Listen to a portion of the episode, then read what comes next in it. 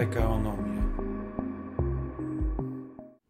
Co tam panie w polityce kiedyś się mówiło, a my dzisiaj zapytamy, co tam panie w ekonomii, bo razem e, z nami jest e, ponownie Ernest e, Pytlarczyk, czyli główny ekonomista Banku PKO. Witam cię Ernest. Witam cię. No i właśnie, co tam w ekonomii? Nie tak dawno, kiedy rozmawialiśmy, ale to jeszcze chyba był poprzedni rok, to mówiłeś, że gospodarka w Polsce urośnie tak 4 z plusem. Czy potwierdzasz na tę chwilę? Potwierdzam. Nie zdarzyło się nic, co by ten scenariusz wykoleiło. Oczywiście mm, są krótkoterminowe wydarzenia, które mogą powodować trochę emocji, a więc tu mówimy o trzeciej fali e, wirusa, która jest coraz bliżej nas i w regionie jest już ewidentne, że ta, ta fala jest, w Polsce też będzie. To zależy bardzo dużo od naszego zachowania, od tego, jak, czy jej nie, zle, nie zlekceważymy, bo to jednak jest wypadkowa zachowań społecznych tylko czy to jest y, bardzo duże zaskoczenie? My y, mieliśmy taki scenariusz, który rysowaliśmy jako V i po nim następuje U, czyli taka płytka recesja i to jest właśnie ten czwarty, pierwszy kwartał, kiedy mamy naprzemienne wprowadzanie i zdejmowanie ograniczeń z niższą aktywnością ekonomiczną. Ale trzeba przyznać, że gospodarka bardzo dobrze się adoptuje do tych nowych warunków. Mamy przemysł, który można powiedzieć kwitnie, dlatego że on przebił już nie tylko poziomy, ale linię trendu sprzed kryzysu. No i tak się okazuje, że ten przemysł y, również w lutym, y, tutaj wskazuje na PMI, to są bardzo mocne wzrosty, a więc można powiedzieć, że ta sytuacja jest y, zaskakująco dobra. Znów się okazuje, że, okazało, że polska gospodarka w tych czasach kryzysu wykorzystuje je, żeby nadgonić różnice poziomów do Unii Europejskiej. Okazuje się, że produkujemy dokładnie te dobra, produkujemy tanio te dobra, które w takiej sytuacji cieszą się wysokim popytem. W, tym, y, w tej konkretnej sytuacji są to dobra konsumpcyjne y, trwałego użytku. Czyli trochę z tego, co mówisz, może, możemy wnioskować, że ta polska gospodarka wykorzystuje kryzys. Chyba dość podobnie jak to było podczas tego poprzedniego kryzysu, kiedy też y, trochę nadrobiliśmy straty do Unii Europejskiej. Dokładnie tak samo. Tam też chodziło o konkurencyjność cenową, też chodziło o te tańsze dobra konsumpcyjne, które w czasie kryzysu cieszyły się większym popytem w krajach Europy Zachodniej. I teraz no, można powiedzieć, że to wypadkową albo skutkiem tego jest e, też sytuacja na rynku pracy w Polsce, który dość szybko e, się zacieśnia. Tutaj możemy patrzeć na, te, na nawet pośrednie dowody na to, a więc to jest na przykład wzrost zatrudnienia Ukraińców, wzrost zarejestrowanych Ukraińców w ZUS-ie. To, są, to jest taki czynnik, który pokazuje, że oni też z usług coraz bardziej się przesuwają w stronę przemysłu, czyli tego, tej składowej PKB, tej części gospodarki, tych sektorów, które wykazują się największą odpornością w kryzysie. No tak, czyli trochę nadrabiamy, ale pewnie trudno byłoby powiedzieć, że zyskujemy na, na covid z całą pewnością chyba jeszcze nie. Natomiast y, czy w skali świata widzisz takie gospodarki, które mogą dzisiaj powiedzieć z otwartą e, taką przyłbicą, że no tak, COVID jest dla nich ok, bo e, właśnie albo stały się jeszcze większymi potęgami, albo bardzo mocno odrobiły straty do swoich największych konkurentów? Na początku pandemii była to Azja. Ze względu na reżimy sanitarne, ze względu na bardzo duże takie zdyscyplinowanie społeczne. Oni rzeczywiście tego nie zlekceważyli i przez dłuższy okres czasu Chiny, które nawet wykazały wzrost rok do roku w 2020 roku, czyli tym roku covidowym, teraz zaczyna sytuacja się, można powiedzieć, zmieniać. Był taki bardzo krótki okres, e, to były wakacje, kiedy Europa wydawało się, że lepiej sobie poradzi niż Stany Zjednoczone. One, one walczyły z kolejnymi falami pandemii problem e, synchronizacji lockdownu, bo one zależały od e, konkretnych władz stanowych. E, no ale teraz Stany, można powiedzieć, wyprzedzają, jeżeli chodzi o koniunkturę i Chiny, które zaczynają spowalniać. Oni mają, jak zwykle, próbują też długookresowe cele realizować, a więc taka, takie zrównoważenie gospodarki. Tam się, tam się, tam się pojawiają, pojawiają takie strukturalne rzeczy, które są, można powiedzieć, wysoko wśród celów w gospodarce chińskiej. E, a więc teraz e, Stany wysuwają się na prowadzenie, jeżeli chodzi o koniunkturę, jeżeli chodzi o wzrost gospodarczy. W pierwszym kwartale ten wzrost może nawet 10% sięgnąć, tylko uwaga, to jest anualizowane, to jest, czyli to jest takie 2,5% e, hmm. powiedzmy na polski. A wytłumaczmy, co to znaczy, że anualizowane. Liczy się odsezonowaną kwartalną dynamikę i de facto mnoży razy 4, czyli tak traktuje się jakby, co by było, gdyby ta dynamika się utrzymała przez, przez cały rok. Taka statystyka trochę. To jest taka statystyka, ale tak rzeczywiście za oceanem tak się podaje te dynamiki PKB kwartalne, czyli mhm. kwartalne, anualizowane.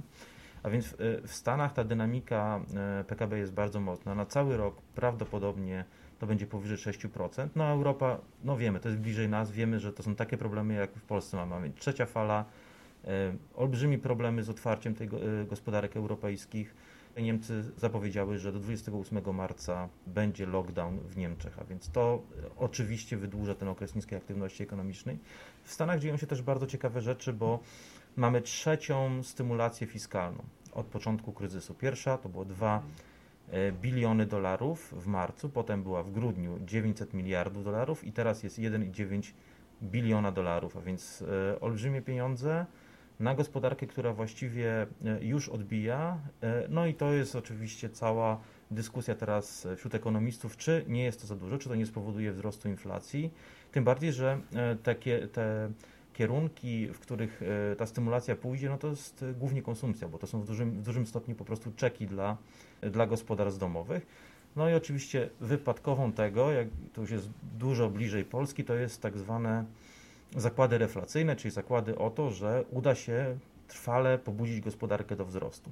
Skutek jest wzrost rynkowych stóp procentowych, oczekiwań na podwyżki stóp procentowych, e, ale też wzrosty surowców.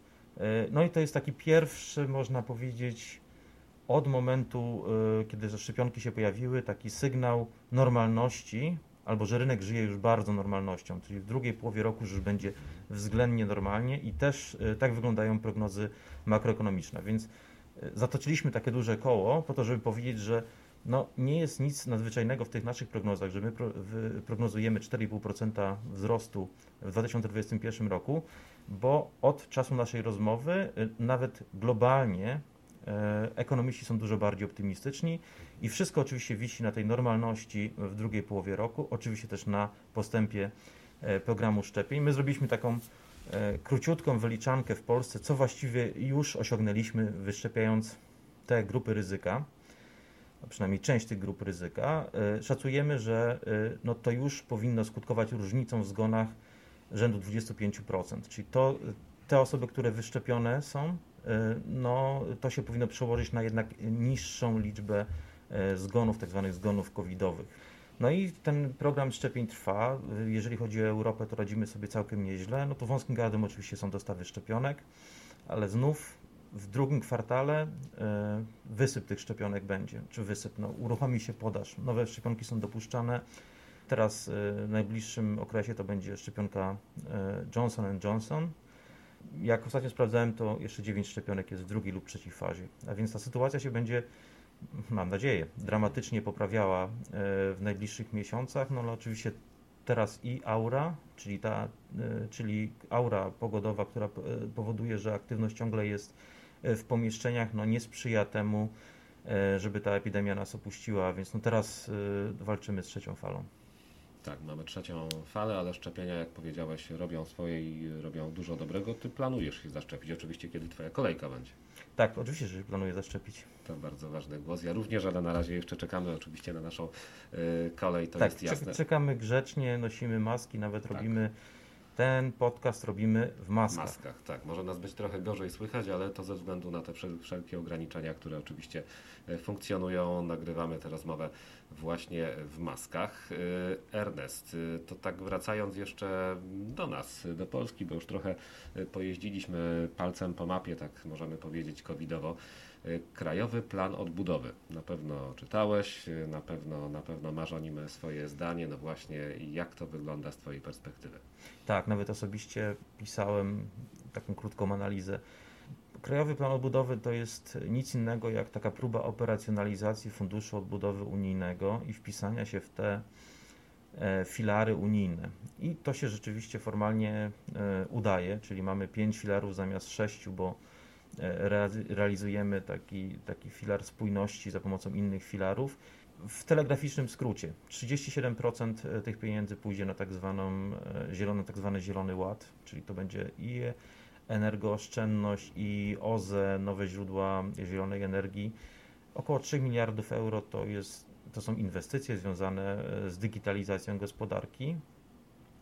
Ten program jest rozpisany na wiązki projektów, Prawdopodobnie no, najtrudniejszym zadaniem jest to, żeby przyspieszyć realizację, projektowanie. Prawdopodobnie będzie konieczne tutaj wydanie pewnych promes przez rząd, żeby no nie był to 22, 23, tylko, tylko żeby można było jak najszybciej zacząć te, te środki wydawać i żeby ten program, ten plan realizował swoje zadania, czyli no, no zapewnił jak najszybszą odbudowę, czyli w pierwszej fazie mieliśmy te środki krajowe, mieliśmy środki starcz, e, no potem musimy tę gospodarkę otworzyć, pewnie część środków będzie umorzona starcz i bardzo szybko ta gospodarka musi zacząć funkcjonować o własnych siłach, no a dodatkowo ten, ten, ten plan ma realizować takie długookresowe cele transformacyjne, więc można powiedzieć, że to nie tylko odbudujemy gospodarkę po, po kryzysie covidowym, ale też ją przetransformujemy. No, oczywiście transformujemy ją w stronę gospodarki opartej na digitalizacji, gospodarki e, opartej na zielonej energii, automatyzacji. To są, to są, to są te takie cele, cele unijne, więc y, no tak jak po I wojnie światowej nie budowało się fabryk, y, fabryk dorożek, tylko mm. samochodów, tak samo i teraz y, myślę, że tutaj jest ważna zmiana jakości tego wzrostu. To trzymamy oczywiście kciuki za to, żeby ten plan też się powiódł, żeby nam wszystkim pomógł w wyjściu z tej sytuacji, która, co tu mówić, jest na pewno trudna. Trzecia fala jest, miejmy nadzieję, że ostatnia. Tak sądzisz? E, taką mam nadzieję. Taką mamy nadzieję, dokładnie tak. Bardzo dziękujemy dziś e, o tym, co tam w ekonomii słychać było na przestrzeni ostatnich e, tygodni, co być może będzie słychać w najbliższej przyszłości. Rozmawialiśmy z głównym ekonomistą Banku PKO SA, Ernestem Pytlarczykiem. Ernest, bardzo, bardzo Ci dziękuję. Dziękuję Ci, Paweł. Paweł Jurek, do usłyszenia. PKO